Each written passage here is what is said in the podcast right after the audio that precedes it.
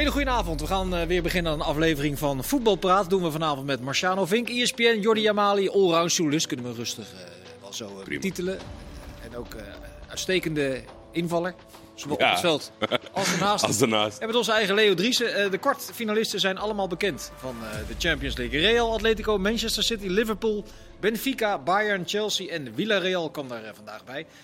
laten we die laatste wedstrijd van Villarreal bij Juventus even bijpakken. Um, Marciano, heb je daarvan genoten? Of, of? Um, nou, heel eerlijk, wij zien zoveel voetbal. En um, ja, we hadden het er al over. Dit zijn van die wedstrijden die na zo'n teleurstelling van uh, gisteravond, de Nederlandse ploeg uitgeschakeld, Champions League. Um, ja, weet je, vind ik dit wel een beetje een moedje. Het slaat een beetje dood. Het slaat een beetje dood. Desondanks was het een prima partij en ook wel een hele verrassende uitslag. Ja, ik denk, dat ze in, in, in, in uh, Villarreal uh, dat ze daar helemaal gek worden. Nee, ja, dat, maar dat mag ook. prestatie, toch? Dat mag ook. Ik, ik vind de uitslag verrassend, maar ik vind het wel na zo'n avond als gisteravond vind ik dit altijd een beetje een, ja, een beetje een moedje. Ja. Vind jij, vind jij dat als voetbalromanticus leuk, dat Villarreal bij de laatste acht uh, in Europa zit in de Champions League? Of zie je dan toch liever het grote Juventus daar? Nee, ik, nee, maar dat is een beetje persoonlijke voorkeur. Ik heb niet zoveel met Juventus, dus wat dat betreft vond ik het uh, dubbel mooi. En ik vind, ja, ik vind gewoon echt een weergaloze prestatie jaar in jaar uit van Villarreal. Ja, want even voor het begrip, het is een soort Waddingsveen of Boskoop of uh, nou, ja. een soort gelijk Appingedam. Die het, qua, zit, qua het zit niet ver van Valencia, dus dat is natuurlijk het is wel een, een, lekkere regio. Maar het is een hele kleine stad met een hele trouwe aanhang. En keer op keer goede keuzes qua beleid, transfer transferbeleid is altijd goed. De trainerskeuzes zijn altijd oké. Ja, het is eigenlijk ongekend dat zij jaar in jaar uit meedoen. En ook zeg maar, op Europa League niveau en nu zelfs in de Champions League. een beetje aan het stunten blijven. Zeker. Maar ze zijn ook heel supportersvriendelijk, hè? Dat is ook wel mooi, vind ik. Ja, want de kaartjes zijn uh, nou nog net niet gratis. Maar de, daar wordt wel rekening gehouden met mensen met een kleine beurs. Ja, dat soort dingetjes, dat maakt zo'n club wel extra, extra speciaal, vind ik. Ja, dan krijg je de sympathiefactor. Maar het is ook dit jaar weer een leuke ploeg met zo'n hele uh, geslepen spits die er nog even inkomt, die, uh, die Moreno. Ook altijd talent uit de eigen opleiding. Uh, Jeremy Pino, Pau Torres, goede ja. centrale En dan Juma gehaald. Dan Juma gehaald. Want dat kunnen ze ook, hè? Even, een cadeautje van de buren in Parejo. Want laten we niet vergeten wat voor een magistrale transfer. Die wilde helemaal niet. Die stond te huilen in, uh, in Mestalla. Maar die moest weg van de voorzitter daar. Want daar zijn nogal wat problemen. Mm En uh, dus die ging niet ver van huis. Maar ja, dat is, dat, ja, dan staan ze ook altijd op de eerste rij. Toen Riquelme niet lukte in Barcelona, zeiden ze nou kom maar hier. En dat pakte daar ook wel een stuk beter uit dan, uh, dan in Barcelona. Ja, want het is, het is de romantiek van eigen opleiding van een klein stadje. Maar ze kunnen ook gewoon 25 miljoen inleggen voor Danjuma. Dat, dat, dat toch ook? Ja, maar dat hebben ze ook wel go gewoon goed gezien. Want mm -hmm. uh, vanaf moment één dat hij daar binnenkomt, laat hij gewoon wel echt zien dat hij, uh, dat hij meerwaarde is. Voor mij acht goals al ja. inmiddels. En in de Champions League ook al vier. Vandaag vijfde. Dus dat zijn wel uh, cijfers, vooral in je eerste jaar, die, die hij kan weerleggen. En dat, ja, dat is heel knap. Hij voetbalt ook gewoon echt goed. Die eerste actie is natuurlijk fantastisch volgens ja. mij. Zie je hem al een basisspeler van het Nederlands elftal? Nou ja, dat weet ik niet. Hij, volgens mij moet hij aan de linkerkant een beetje concurreren met Gakpo. Die daar ook uh, goed uit de voeten kan. Mm -hmm. Ik denk dat die op dit moment misschien in Nederland net even een streepje voor heeft. Alleen uh, ja, Danjuma laat gewoon echt wel zien dat hij op het hoogste niveau. Um, maar is dat ergens niet gek? Want iedereen ziet, herkent, ziet het talent van, van Gakpo wel. Maar deze jongen presteert dus al in de Champions League. En dat doet ja. hij niet één of twee wedstrijden. Uh, ook in de Spaanse nee, Gakpo, competitie Gakpo over een lange is periode. Wel, Gakpo is wel echt een een dragende speler voor dit PSV. Ja. Dus uh, aanvoerder, hij, uh, hij maakt ook echt wekelijks het verschil. En uh, soms is het ook wel gewoon lastig om tegen wat kleinere ploegen het verschil te moeten maken. Kijk, um, kunnen en moeten is een groot verschil. En hij, hij, hij moet, want ja, ik bedoel, hij is aanvalsleider. En um, ja, ik, ik vind dat hij een, een bepaalde volwassen indruk Dus dat hij misschien een streepje voor heeft in het Nederlands elftal, dat kan ik best wel billiken. Maar Leo, jij kent Louis van Gaal al langer dan uh, wij met z'n drie op de aardbol uh, ongeveer hier rondlopen. Die is van plan om het te gaan omvormen naar een 3-5-2 of een 5-3-2 of zelfs een 3-4-3. Uh, zou Danjuma in, in het hoofd van Van Gaal een, een grote rol kunnen spelen bij het Nederlands elftal? Nou, Van Gaal een beetje kennende volgende, moet, dan moet je het niet te veel zeggen, want dan gaat hij het weer niet doen. Maar, Zelfs niet als jij het zegt? Het zou zo dom zijn om die Danjuma... Uh, uh, nee, maar het, ja, het is wat Marciano zegt, dat is waar. En hetzelfde, kun je kan ook van Danjuma zeggen, ja, die, die presteert bij een relatief kleine club in een Ja. grote competitie en dan doet hij het heel goed. Dus ja, zet het maar tegen elkaar weg. Ik denk dat je de heel, eh, succes met je keus. Ja, Valt ze allebei wat te zeggen. dat geldt voor meerdere Zeker. posities eh, trouwens. Eh, Champions League, ik noemde ze net eh, alle acht die door zijn. Welke ploeg, Jordi, heeft op jou nou de meeste indruk gemaakt? Of is het een beetje een vlakke laatste acht? Ik vind het wel, ja, het is natuurlijk gek om deze ploegen weg te zetten als vlak, maar eh, echt er bovenuit. Kijk, bij Bayern München zou je verwachten, maar die hadden dan natuurlijk wel in die zin eh, over twee wedstrijden wat mindere tegenstander. Dus wat zegt dat? Die poetspartij terug in, in München. Ik denk altijd als zij meedoen in de laatste jaren is het voor mij zeker een van de titelfavorieten.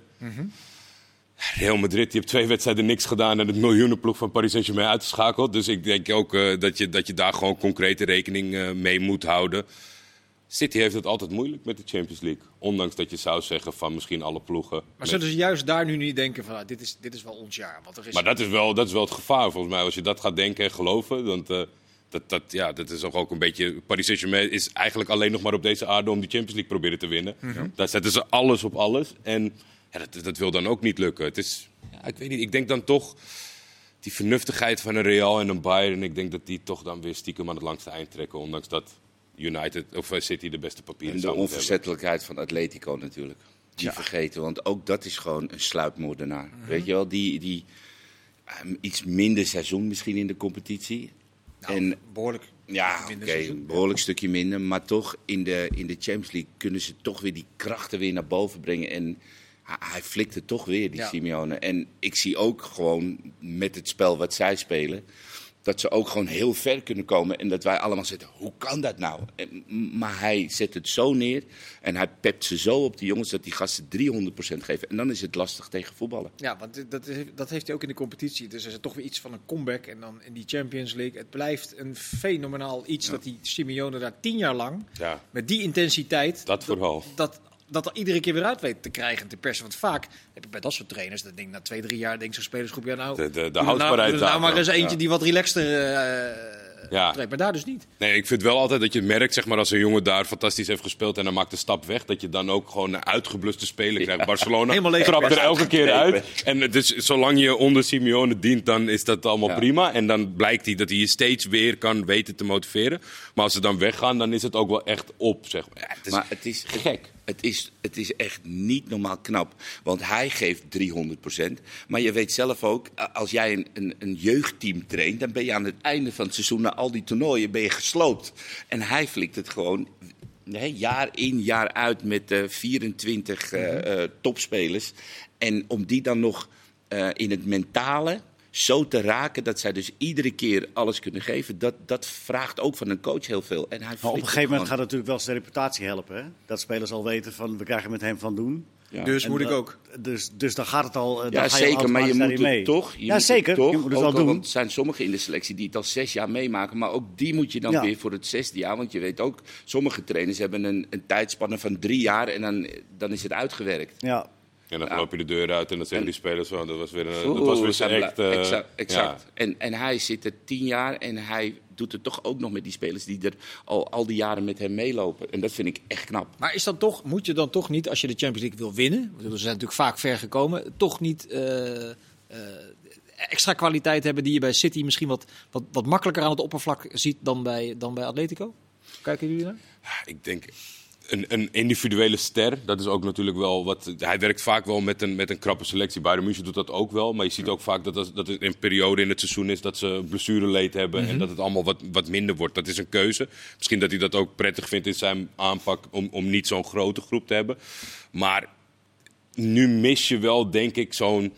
Eh Griezmann die een goede tijd heeft. Of, of een Suarez. Wordt Joao die- Felix niet een speler van dat niveau langzamerhand of, zie- of nog niet? Nou, ik vind wel, ik vind wel lang op zich wachten. Ik vond, ik vond het he- nou, heel erg gewaagd om, om zeg maar. eh Atletico heeft tegenwoordig ook gewoon middelen.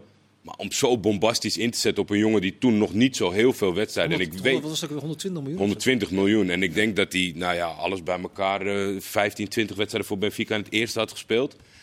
Je moet er tegenwoordig bij zijn, want anders dan kaapt iemand hem anders. Maar ik vond het wel opmerkelijk, de middelen die je hebt om er zo volledig op die jongen in te zetten. Dat is ook voor die jongen natuurlijk vervelend. Het ging alleen maar daarover. En ik heb nog niet een 120 miljoen euro speler gezien in hem. Nee. Af en toe wel flat. flat. Maar ik heb, ik heb wel veel respect voor hoor, wat, die- wat, wat Marciano en wat jullie ook zeggen. Maar ik, ik, diep in mijn hart als voetballiefhebber hoop ik toch niet dat hij ooit de, de, de, de Champions League daarmee gaat winnen. Dat hoop ik toch niet.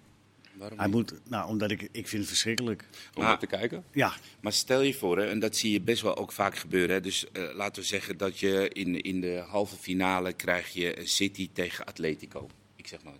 En hij zet zijn team zo goed neer. En heel vaak wat er gebeurt is dat ehm, die, die, die mooi voetballende teams heel open staan en positiespel en vanuit het positiespel tot kansen komen. En dat zij loeren, wat we gisteren hebben gezien, op die 1-2 kansen. Ja, en hij wint daar 0-1 verschrikkelijk. en hij wint 1-0 thuis. ja, is is het dan... verschrikkelijk. Ja? Ja, ja, ik- nou ja, ik, ik, ik heb er wel respect voor. Ja. Zoals Benfica dat gisteren deed. Als je in de details gaat kijken hoe, ze, hoe gedisciplineerd ze verdedigden. Constant op elkaar letten, die, die Ja. vier man achterin of vijf soms. Het deed Maar denken allemaal- aan Atletico. Hè? Het deed denken aan Ja, Atletico. maar, maar de- dus geen enkele emmer op elkaar letten, daar kun je ongelooflijk veel respect voor hebben. Maar ik vind het niet om aan te zien. Nee, maar zelfs het grote Real Madrid, misschien wel de grootste club van allemaal, deed dat ook. eh, Een wedstrijd lang in Parijs, een uur lang in het eigen stadion. ja, Zonder die keeper waren ze er gewoon uit geweest. Ja. Met twee keer 90 minuten, niks doen. nou, Ja. misschien, misschien is de volgende stap ook wel, als je, echt daar, als je daar dan echt wil komen, dat je dat ook moet kunnen. Maar ik mag toch hopen dat uiteindelijk, aan het eind van de rit, er een, een, een voetballende ploeg... En wie is, dat, wie, is en wie is dat dan voor jou? die nu nog over is. Ja? Ja, dan denk ik toch een beetje aan City. Dan hoop ik dan toch dat die... eh, ja City, Bayern en Liverpool zijn dan wel ploegen waar je misschien wat makkelijker enthousiast van eh Ja. raakt. Maar Chelsea, Chelsea in, in de juiste samenstelling, niet zoals ze vandaag met die drie middenvelders die ja, erg verdedigend ingesteld zijn. Maar als Chelsea gewoon zijn beste elf, voor mijn gevoel beste elf opstelt, denk ik dat Chelsea ook wel erbij hoort. ja, zeker. Ook In het, voetbal. in het leuke voetbal. Ja, Ja, absoluut.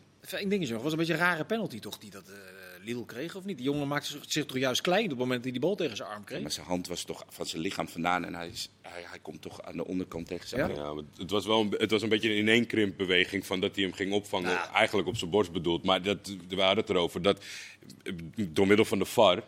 Als het gewoon in de actie kan de, kan de scheidsrechter zeggen: Ik geef hier geen penalty voor. Ja. Maar ja, daarna heb je 25 shots waarin die bal op zijn elleboog ligt. Ja, Ja. dan moet je wel. Maar goed, het is uiteindelijk ook een voetnoot, want Chelsea heeft... Ja, eh, het werd niet spannend. Maar we hebben, gemakkelijk. we hebben bij die wedstrijd van Juventus helemaal Matthijs de Ligt niet eh, Nee. genoemd. Wat wil, je erover, wat, wil je erover, wat wil je erover kwijt? Nou, dat, het een, dat- dat ik benieuwd ben, of eigenlijk niet, voor hem, naar wat de Italiaanse pers weer over hem zal schrijven morgen. Nou, hij zal er niet licht vanaf komen, denk ik. Moet- Woord, klein woordgrapje nog. Ja, Laat- ja, laat- maar ja, een andere- het- het- het- Wij, wij hadden het er, wij hadden het Ja, er boven precies. over. Ehm, Juventus speelt zijn wedstrijden normaal in een, in een viermansverdediging eh, vlak. En waarbij ehm, het uitstappen nou ja, eigenlijk een beetje verboden is. Het is hou de lijn, hou de lijn, hou de lijn. En dat zie je ook. alsof er touwtjes lopen. Alsof het touwtjes. En daar had Matthijs de Ligt in het begin mega veel moeite mee. Want bij Ajax heb je geleerd dat je eh, uit moet stappen, doordekken. En het liefst zo kort mogelijk. Alleen, ehm, je zag hem dus ook best wel daar moeite in hebben en fouten maken. Alleen nu gaan ze dus eh, de- deze wedstrijden die we gezien hebben, gaan ze met een vijfmansverdediging spelen. En dat heb ik vorige keer al een beetje uitgelegd. Bij die, bij die goal van de, in de uitwedstrijd van Moreno. Was, wie, wie maakte de goal? Eh, De, de, de, in de uitwedstrijd. 1-1. Ja, de 1-1 Moreno. Ja, Volgens mij, ik weet niet zeker. Nou, oké, doet niet toe. Waar hij dus eigenlijk 1-0. verkeerd staat en die bal gaat er overheen. Mhm. Dat is eigenlijk een typisch voorbeeld van een team wat eigenlijk nooit echt gewend is om met vijf verdedigers te spelen en die dat dan om maar verdedigend te denken en verdedigende instelling met vijf verdedigers gaan spelen. Dus je krijgt communicatieproblemen. En dat zag je bij die goal in de heen, heenwedstrijd. En nu in de terugwedstrijd zie je dus dat Quadrado eigenlijk in verdedigend opzicht die vijfde wingback wordt. Hè, dus dat ze weer met vijf man staan. En je ziet gewoon bij de licht heel veel vertwijfeling. Moet ik doordekken? Moet ik niet doordekken? Hij was de man ertussen, dus de, de, de er- controle. Hij zit, er toch al een tijdje nu. Ja, maar het straalt niet eh, ehm, het gevoel uit wat je zou moeten hebben bij een verdediger. Van hey, die heeft zijn zaakjes op orde, die snapt het. Je ziet gewoon elke keer dat hij twijfelt: waar moet ik staan? Positioneel niet goed. Hij heeft laatst nog een heel groot interview gegeven in The Guardian. Dat was niet heel toevallig, omdat Ch- Chelsea genoemd wordt als, als eventuele volgende werkgever van eh, de licht. En daarin zei hij: Ja, ik, ik leer juist meerdere facetten van verdedigen. Ja, maar dat vind ik echt, dat vind ik echt zo'n grote onzin. Ik, de licht die bij Ajax verdedigde, dat was een. eh, Maar waarom is dat onzin? Want, dan, als je die, die jouw redenatie doortrekt, dan zou hij maar bij één of twee ploegen in Europa kunnen spelen die precies spelen zoals het voor Hij, hem hij gunstig was is. een voetballende verdediger. Ja. Hij kon een bal over 40 meter op je stropdas leggen. Hij kon indribbelen, hij kon inschuiven. Hij had een heel goed eh, eh, instinctief gevoel voor waar de bal zou komen. En hij zat overal bij. Nu is het een soort Italiaanse verdediger geworden die alleen maar puur en alleen aan het verdedigen denkt. En doordat je constant maar aan het verdedigen denkt, vergeet je ook te voetballen. Je vergeet positioneel goed te staan. Hij is voor Tegen zijn natuur in aan het voetballen? Tegen zijn natuur aan het invoelen. Een beetje de kluts kwijt. Dus jij vindt hem niet beter dan drie jaar geleden? Nee, absoluut niet. Nee. En bovendien, wat jij net zegt, als, als je ineens, hoe goed je ook bent als team, van vier verdediging naar vijf verdediging, dat moet je trainen. Dat moet je trainen. En dat doen ze nu deze twee wedstrijden tegen Villarreal. Hebben ze in één keer met, ja, met drie centralen gevoetbald. En je ziet in de competitie spelen ze gewoon of De Licht, Bonucci, Danilo, De Licht. Gewoon met vier man. En dan is het heel duidelijk. Jij de spits, communiceren. Hij gaat naar hem, komt hij aan. Maar nu met drie man is het gewoon heel onduidelijk. En De Licht heeft daar zoveel moeite mee. Hij heeft al moeite met die twee. Nou, en nu met drie wordt het nog lastiger. En ik zag het nou ook in de eerste kwartier. Zag je op momenten dat hij niet wist, moet ik doordekken, moet ik blijven staan, moet ik ertussen blijven. Jij moet door. Oh, die spits die gaat van links naar rechts. Hij is alleen maar bezig met, met het verdedigende aspect in plaats van met het gevoel voetballen. Ja, dus hij voetbal, het gaat niet vanzelf. En dat- Het gaat niet heb je als- vanzelf. Als voetballer eh, eigenlijk bijna automatisch. Als je veel het, Audi, het, goede, het betere Juve hebt gezien dan, en je kijkt vandaag, dan voelde het echt aan alsof drie man, zeg maar, eh Bonucci, Barzagli, Chiellini aan het spelen was. En helemaal niet vertrouwd Nee. in die rol. Want dat, met drie man achterop, dat, daar hebben ze eh, fantastisch mee gevoetbald, Juventus. Maar je ziet nu dat dat... Ja, dat, dat, het komt niet natuurlijk Nee. over. En mensen zijn aan het zoeken. En dat lijkt me niet in deze fase van de Champions League eh, eh, het moment om daarvoor te kiezen. Nee, dan zou je kunnen zeggen dat Juventus eh, na weer een uitschakeling, weer een teleurstelling in de Champions League. Want die, die Agnelli's die beginnen natuurlijk eh, behoorlijk ongeduldig te raken. Want dat lukt maar niet. Ook dat project van Ronaldo is mislukt. Kun je, als je die lijn doortrekt naar Amsterdam, naar de uitschakeling van Ajax gisteren. Kun je nu ook zeggen dat Ajax eh, in elftal, met een, met een trainer die nog wel een doorlopend contract heeft, maar ook wel aangetrokken wordt, staat Ajax op een kruispunt als het gaat om ambities en, en, en samenstelling van een elftal daarin voor volgend jaar? Ik denk dat ja, er zijn scenario's te bedenken waarin Ajax eh, volgens mij een heleboel belangrijke spelers kwijtraakt de aankomende zomer. En loopt er eens eentje door? Uh, Mazraoui staat vast. Ja. Het lijkt me dat Ajax gesprekken gaat voeren eh, met partijen die geïnteresse- geïnteresseerd zijn in Gravenberg. Eh, Omdat hij nog maar één jaar contract omdat hij heeft nog, hierna. eh, nog maar, ja. en, eh, en, en niet eh, open staat voor een verlenging. Onana is al Nou, hij wel vertrokken. trouwens, hij heeft het wel regelmatig gezegd dat hij juist wel wil dat Ajax nog aan hem verdient.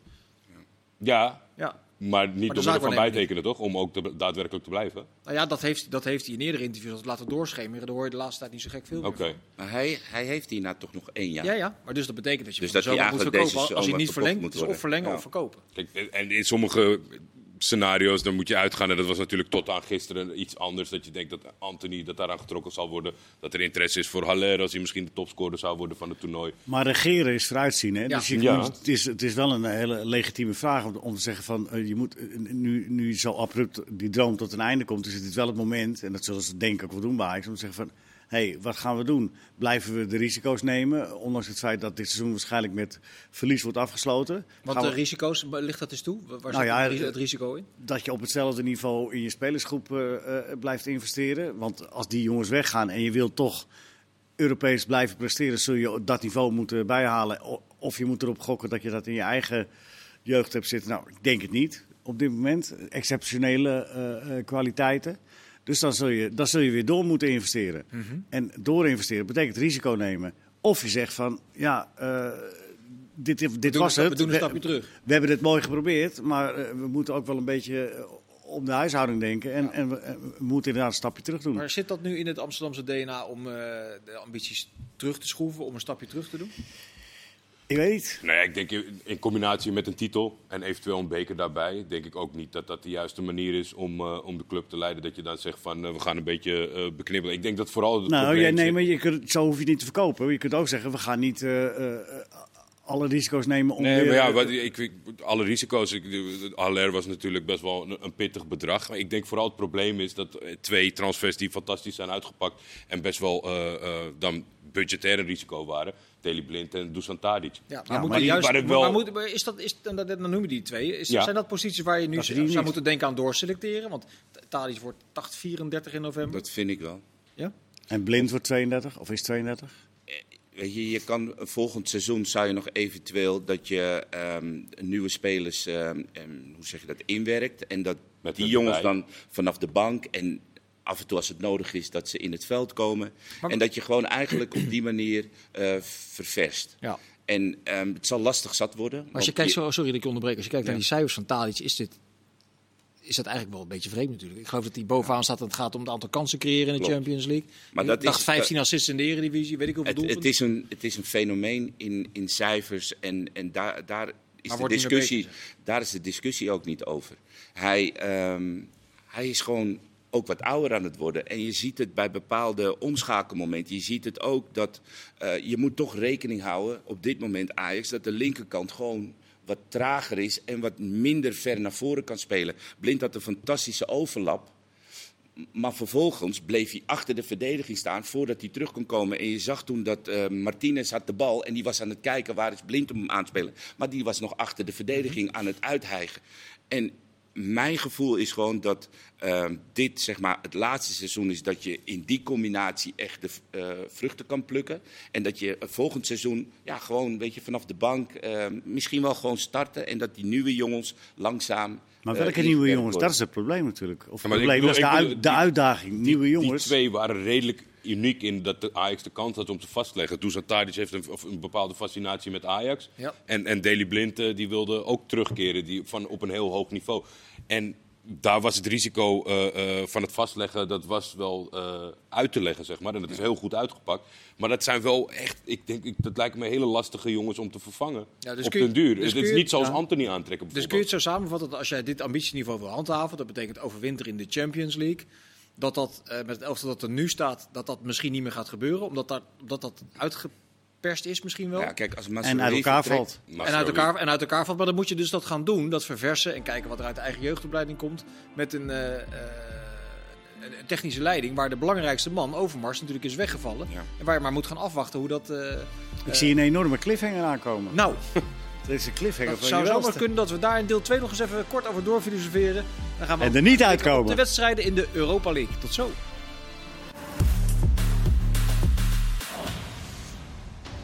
Deel 2 van Voetbal Praten. We hadden het over de nasleep van eh, de avonturen van Ajax in Europa. En de Champions League van het afgelopen seizoen zit er dus eh, op. Eh, Leo, wat zou nou de, de, de technische leiding van, van Ajax als prioriteit moeten bestempelen als het gaat om volgend jaar het, het handhaven van het ambitieniveau? Hoe dat te bewerkstelligen? Nou, doelstelling eh, maken. W- eh, Maar dan ga je er dus al vanuit, we willen op dit niveau blijven. Nee, dat hebben ze toch zelf uitgesproken een aantal jaar geleden. Dat dat voor de lange termijn, middellange termijn de doelstelling is. Ja. Overwinteren Champions League. Ja, ja nou ja, dan, eh, dan wordt het een heel lastig karwei.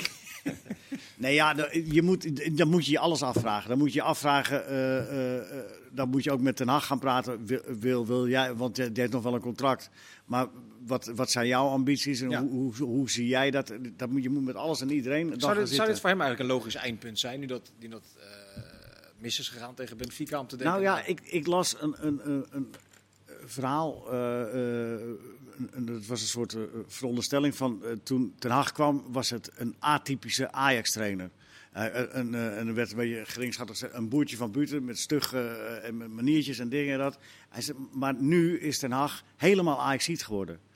En je moet je afvragen of het dan misschien, als dat zo is, als je dat vindt, of dat wel goed is. maar als je, maar ik Of dat niet je- helemaal wat je bedoelt. Want als je dan helemaal Ajax ziet, word je dan, dan een mindere trainer van? Of, ik, begrijp Nee, maar dan word je net zo arrogant als Ajax. En dan word je net zo eh, vanzelfsprekend. En dan ga je mee in de. En, en, en, eh, dat, volgens dat verhaal. En, Dus er moet een en vers iemand van buitenaf komen om weer opnieuw dat, zou te dan, beginnen. dat is dan de Dat is dan de conclusie. dan, moet er weer iemand komen van buitenaf die eh, wat kritischer tegen Ajax aankijkt dan Ajax eh, zelf pleegt te doen. En da- daar valt natuurlijk Als wel. trainer bedoel je? Ja. Ja. Is dat niet heel Ik denk dat het Nee, al heel de- de- moeilijk is om gewoon überhaupt een trainer te vinden. Laat staan met al die Nee, kwalificaties. maar, ja, maar los nu- daarvan, het verhaal, gaat, ga- het, het verhaal is, dus, de strekking van het verhaal was van hij kwam van buitenaf en was Ja. daarom verfrissend en vers, keek er anders tegenaan dan. En nu, Is inmiddels is hij een van degene geworden die, met echt Ajax-bloed. Maar dat zou toch ook Ik kan ook zeggen, dat is een groot voordeel. Ik Kun je ook zeggen, zeggen. dat zou nu een voordeel zijn. Ja. Want er is nogal wat aan de hand geweest het Ja, afgelopen jaar bij. Ajax. Overmars is weg. Ik citeer alleen het verhaal. hè. Nee, ik snap het. Alleen ik, ik, ik, ik ga nu een, een, een stapje verder. hè. Dat Ajax er alles aan zou moeten doen om in ieder geval Ten Hag binnenboord eh, Zeker. te houden voor de komende jaren. En misschien ook meer technische eindverantwoordelijkheid geven. Nou, dat is toch volgens mij de bedoeling met Huntelaar, Ja. Hamstra en eh, Ten Hag. Dat zij in ieder geval eh, de komende tijd hebben tijd alle, gekocht, hè, zeggen alle Ja. contracten en eh, dingen die eh, te doen staan, dat zij die voor hun eh, rekening Ja, dat, is de, nemen. dat is de korte termijn. Want, want, want er is gecommuniceerd dat ze in de zomer wel een nieuwe technisch directeur willen, willen, willen Ja, binnenhalen. dat is ook al zo'n eh, opdracht om die te vinden. Dat, Ja. weet je, Schiet er jou een naam te binnen dan? Nee, helemaal niet, helemaal niet. Ik vind dit eh, voor tijdelijk een prima oplossing. Alleen, er liggen zoveel, wat we al vaker besproken hebben, er liggen zoveel dossiers en zoveel ehm, dingen die er eh, gedaan moeten worden. Kijk maar alleen naar Gravenberg. Ehm, Maar wat zou jij doen, eh, Marciano? in de zin. Nou ja, van, van, staande op dat kruispunt nu, van, van die uitgeschakeld. Nou, ik zou wel doorselecteren. Ik zou goed in de Nederlandse competitie kijken welke spelers eh, eh, tegen het niveau Ajax aanzitten. Of eh, in ieder geval misschien eh, mee kunnen. En kijken of je de portemonnee daarvoor kan trekken, want er moet iets gebeuren. En ehm, aan de andere kant heb je ook eh, gezien dat de laatste periode, als er een aantal spelers niet aanwezig zijn, dat wat er in het elftal komt, dat dat misschien net even eh, wedstrijdritme mis of niet goed genoeg is. En ook daar zal je naar moeten kijken. Want eh, wat er ook altijd gezegd werd, de bank is natuurlijk hartstikke goed van Ajax. Maar dat vind ik de laatste tijd toch enigszins Maar tegenvallen. als, als Ajax in de Nederlandse competitie zou doorselecteren, dan kom je toch uit bij de, de Gakpo's en de Sinistera's van. Nou ja, dus dan kom je daaruit. Kijk, ik, ik weet natuurlijk niet wat er allemaal in Scandinavië en in Afrika en in Frankrijk... en waar je allemaal spelers vandaan kan halen, wat daar Waar je allemaal zo loopt. vandaan had, doorselecteren in ieder geval. Ik zou wel doorselecteren, want ehm, ik denk dat er, eh, als Masrui weggaat, eh, dat vind ik een hele belangrijke pion in dit systeem. Zeker. Nou, Range heeft aangetoond de afgelopen periode dat hij daar misschien door wedstrijdritme, ik denk wel dat hij de kwaliteit heeft, maar door wedstrijdritme dat hij er nog niet eh, aan toe komt om, om dat, dat gat op te vullen. Ja, Nou, dat weet je pas als je hem een half jaar laat voetballen. ja, maar ja, dat heeft hij een tijdje gedaan en toen ging het hartstikke Ja. goed. Mas Masrui kwam terug en nu moet hij dat af en toe, omdat Masrui toch wel weer het last heeft, moet hij het invullen. En daar komen de problemen aan de rechterkant in combinatie met Schuurs. Nou, Schuurs heeft denk ik vier jaar de tijd gehad om te laten zien dat hij een Ajax-verdediger is. Tot op heden komt dat er nog niet echt uit. Nou, dus daar, je, je zal op heel veel plekken zal je toch moeten kijken, kunnen we daar versterking halen? Ja. En dat is niet makkelijk. En dat komt dus nu op het, op het, op het bordje van Hamstra en, en, eh, Huntelaar. Huntelaar. Nou, En een En beetje Ten nog. Ja. en een beetje Ten Hag. En ik weet mooie- niet wat Overmars op de achtergrond nog doet, hè. dat weet ik niet. Nou, niks. Die is Ja. toch, die is toch eh, weggestuurd? Oké, Dat zou toch heel vreemd zijn? ik, ik heb geen idee. Maar, je, nee, maar je, laat het, je laat het niet voor niks vallen, want je vermoedt dat het wel zo is. Nou, het zou kunnen toch? Ze hebben toch allemaal nog contact met hem? Want, eh, ja, Ten Hag belt toch ook nog wel met Overmars? Of eh, een Ja. Hamstra zal toch ook nog met Hij heeft er Overmars? nog steeds, hij heeft even- er maar nog even- steeds kennis van zaken. Ja, maar even Ja, maar bellen ga jij, wat- nou, ga je nou echt serieus beweren dat als Hamstra met Overmars belt, dat het puur alleen, hé hey Mark, hoe is het met je? Hartstikke goed, leuk. Oké, dankjewel voor het bellen. Is dat het? Natuurlijk niet. Er wordt toch gesproken over de situatie. Nee, maar het en zou dan- toch wel heel vreemd zijn als Hamstra eh, over Mars belt en zegt... luisteren, zou jij alsjeblieft voor mij de technisch directeur van Manchester United willen bellen voor die en die? Dat zou toch, dat zou toch wel apart zijn? Ik zeg niet. Ik Gezien zeg wat ook- er gebeurd is? Ik zeg ook niet dat dat gebeurt, hè? Jij impliceert Nee, maar je zou, maar... zou wel kunnen zeggen van eh, hoe kom ik het beste in contact met... eh, Nee, ik impliceer niet. Ik vraag me wat je Nee, maar bedoelt. kijk, nee, Dat ik, dat bedoel, ik bedoel, kijk, er zijn gesprekken geweest tussen Gravenberg en eh, Mino en Mark Overmars. Ja. Toch? Ja. Nou, die liggen ergens. Dat ligt ergens in een impasse. Nou, dan is het best handig als jij als Hamstra, die daar ehm, een oordeel over In dat soort gevallen wel, ja. dat je dus weet wat daar gespeeld Dat is een soort overdracht. Nou, een soort overdracht. Dus dat bedoel ik. Oké.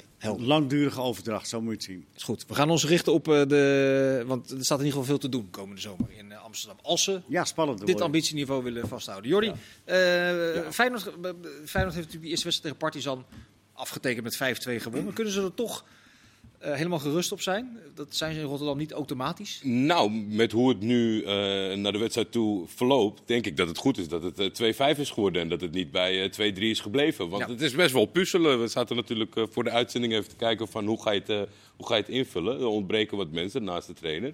Bijlo en Eh, Trauner zijn de belangrijkste. Ja, dus dat, eh, ik, ik, ga ervan uit met het krachtsverschil eh, met de snel uitvallende nummer 10 van Partizan in de heenwedstrijd dat het niet echt meer spannend wordt.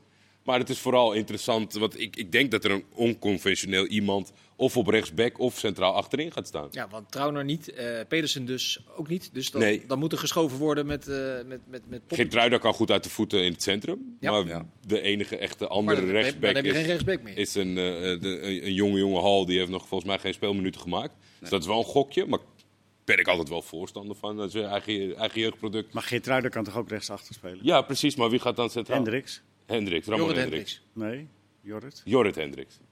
Nou eh, ja, dat heeft hij wel eens. Dat, heeft Ja, hij dat wel. hebben ze ook dat gecommuniceerd toen ze hem aantrokken. Van, joh, hij zou eventueel ook nog centraal achterin kunnen spelen. Ja. Dat hebben ze wel zo, zo expliciet gezegd.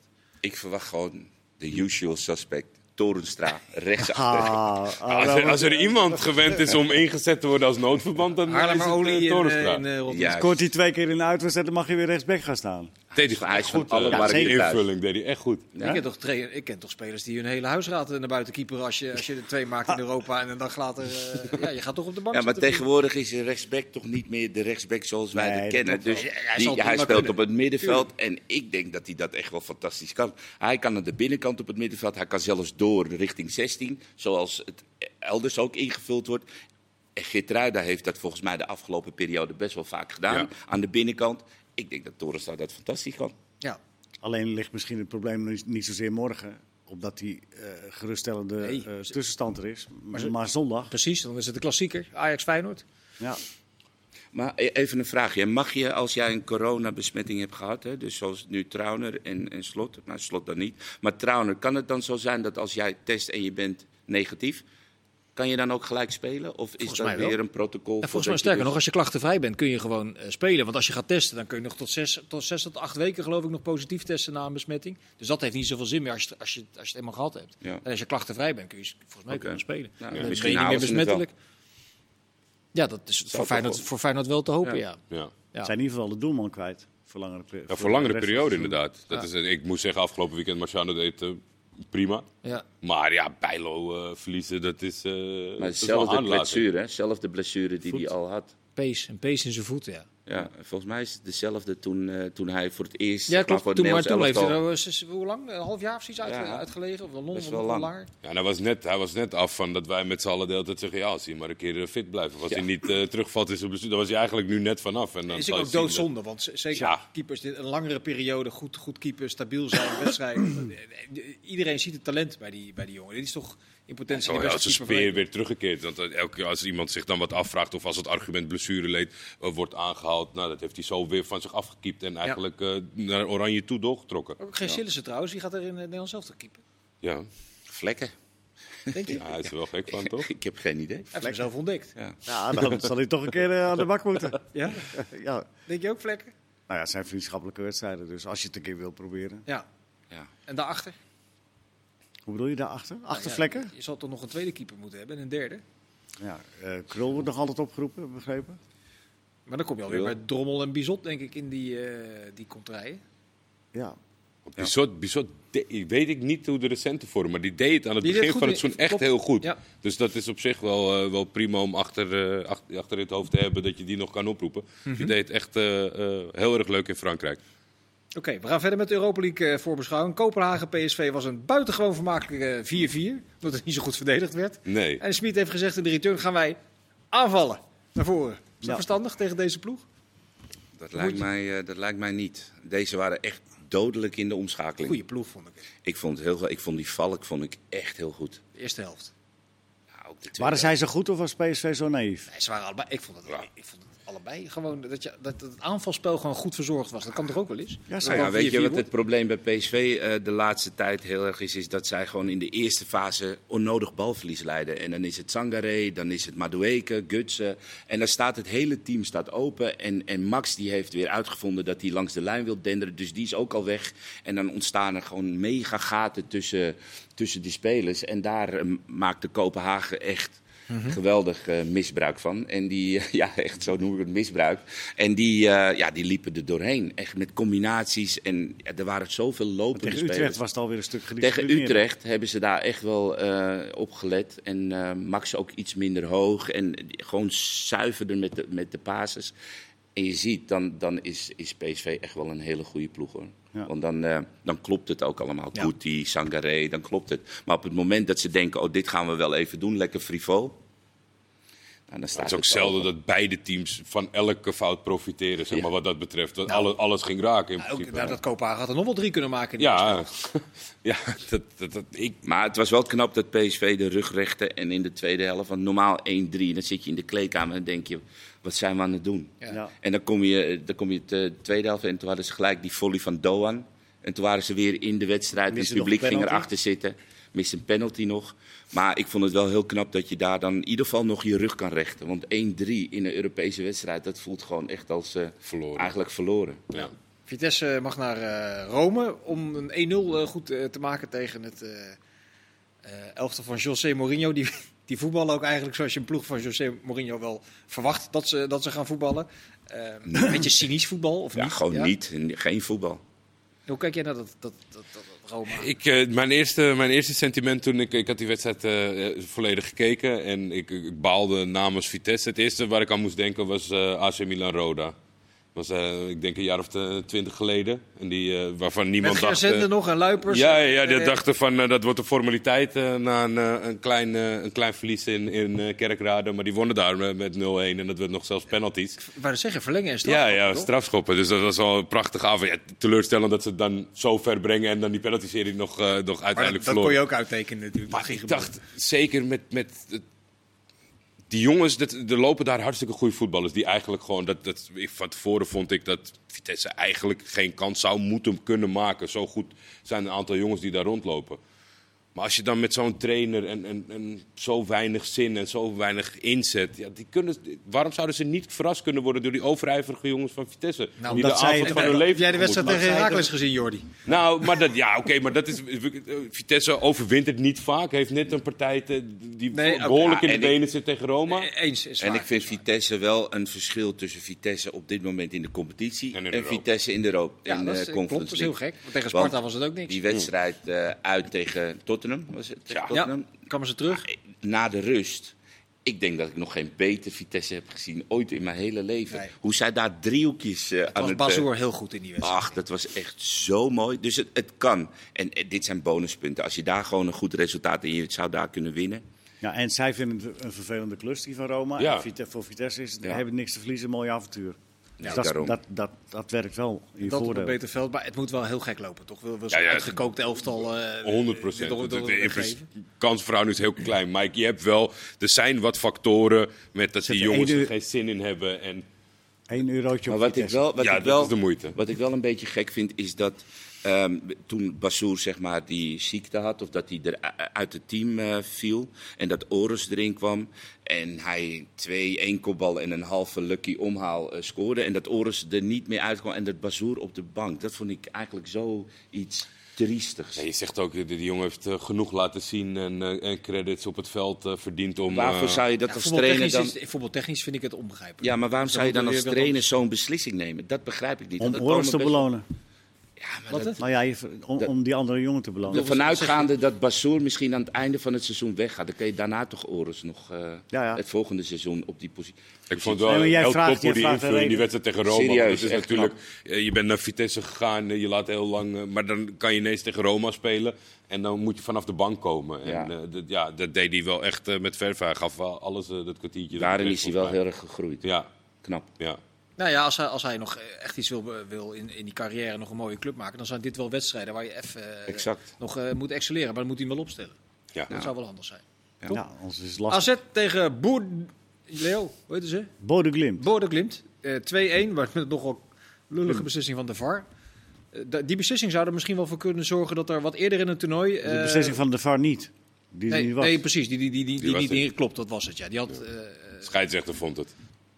Maar er was geen VAR. Maar de- ik, ik redeneer nu andersom. Ik wilde zeggen, de VAR staat alleen ingeroosterd voor de finale in de Conference League. Oké, Maar die beslissing dat die VAR er niet dus was, dat AZ die penalty tegenkreeg, zou ervoor kunnen zorgen dat het al in een eerder stadium wordt ingevoerd. Daar zijn ze nu, Halffinale. de, ja, halffinale of kwartfinale. eh, oké, ze waren er wel achter dat het toch wel... Dat dat misschien toch, ja, als je zo'n toernooi met enige cachet wil voorzien, dat het wel handig is als je dat dan ook serieus eh, aanpakt. Maar het was, bu- buiten dat was het gewoon een hele rare beslissing. Want die scheidsrechter die liep best wel in de lijn. Ja. Ja. En die zag het ook best wel goed. En als de bal die kant op gaat, dan is het 9, nou, bijna 99 van de 100 keer dat die speler, de verdediger, de bal dus wegtikt. Ja, Ja, dat kon dat is één conclusie Hij mogelijk. was Dat is resoluut. Hij was echt resoluut. Hij, best een hij slechte scheidsrechter is geweest, denk ik. het was echt heel vreemd en zo onterecht. Ja, want hij keek goed. Ja, hij stond goed. Ja. Ah, maar AZ moet weer wat beter gaan eh, voetballen. Die Ja, voetballen maar die missen eh, natuurlijk wel Mietje. En Mietje Ja, die heeft, die is echt heel erg belangrijk. Sowieso voor de controle, maar ook voor het, eh, de opbouw. Ehm, Want een Reinders, beetje de- Reinders vind jij ja, het, het, het nou, een beetje de rol van Koopmeiners overgenomen. En met Klaasie, dat, dat werkt, he- werkt heel goed. Uh, Klaasie vorig seizoen natuurlijk op de bank en misschien net niet goed genoeg. En nu eh Nederlands elftal, dus zo snel kan het ook weer gaan. Maar Mietje vind ik voor dit team cruciaal belang Ja. dat hij speelt. Want hij, ehm, hij heeft hamstringklachten. Maar hij, hij zorgt ervoor dat dit eh, team van achteruit aan het voetballen komt. Kijk, voorin geloof ik wel met Carlsen, Pavlidis, dat is allemaal wel prima. Alleen van achteruit het voetbal, daar is Mietje gewoon zo belangrijk. Die één, twee keer raken om het spel te versnellen. En die misten ze. Ik vind Reinders vind ik een goede speler, maar nog niet van het niveau Mietje met de rust. Ja. Maar de tegenstander, die hebben aardige dingen laten zien hè, in eh, de Europese wedstrijd. Ja, daarom. Dus Ja. ik denk dat Ja, het maar even vooral, goed nog eh, een goede, een eh, goede uitgangspositie voor AZ. Dat ze in ieder geval na, op basis van die heenwedstrijd weten dat ze zich kunnen meten eraan. En een prima eh, eh, thuis nog kans moeten maken. Het was even natuurlijk pendelen met die prestaties die ze neer hebben gezet. 6-1 tegen Roma. Vorig jaar Milan lastig gemaakt. En Ja, daar, Celtic daar ging het zo. Ja. Celtic, terwijl ze gewoon ver verwijderd zijn van überhaupt competitievoetbal daar. Ze doen alleen Europees voetbal, tussendoor niks. Eh, Maar wat dat betreft eh, denk ik dat AZ gewoon wel echt volle bak ervoor moet gaan en een goede kans maakt. Leo, even voor het eh, archief. Dat is wel ge- mega gevaarlijk in de omschakeling. Hè? Ja, dat de de Die, die hebben echt lopend spelers, backs die er overheen komen en echt eh, het vuil- vuile meters willen maken. Dus het is een hele lastige wedstrijd voor AZ. Ja. Want je moet, Neem je risico. je neemt risico, je moet. En, en deze die komen er echt pijlsnel uit. Maar dus ook een hele interessante. Leo, Absoluut. even voor het eh, archief, want we houden alles bij. Eh, vier ploegen morgen in actie. Hoeveel gaan er door? Zeg maar. Eh, daar gaan er door, van de vier gaan er eh, drie door. Wie niet? Dat zeg ik niet.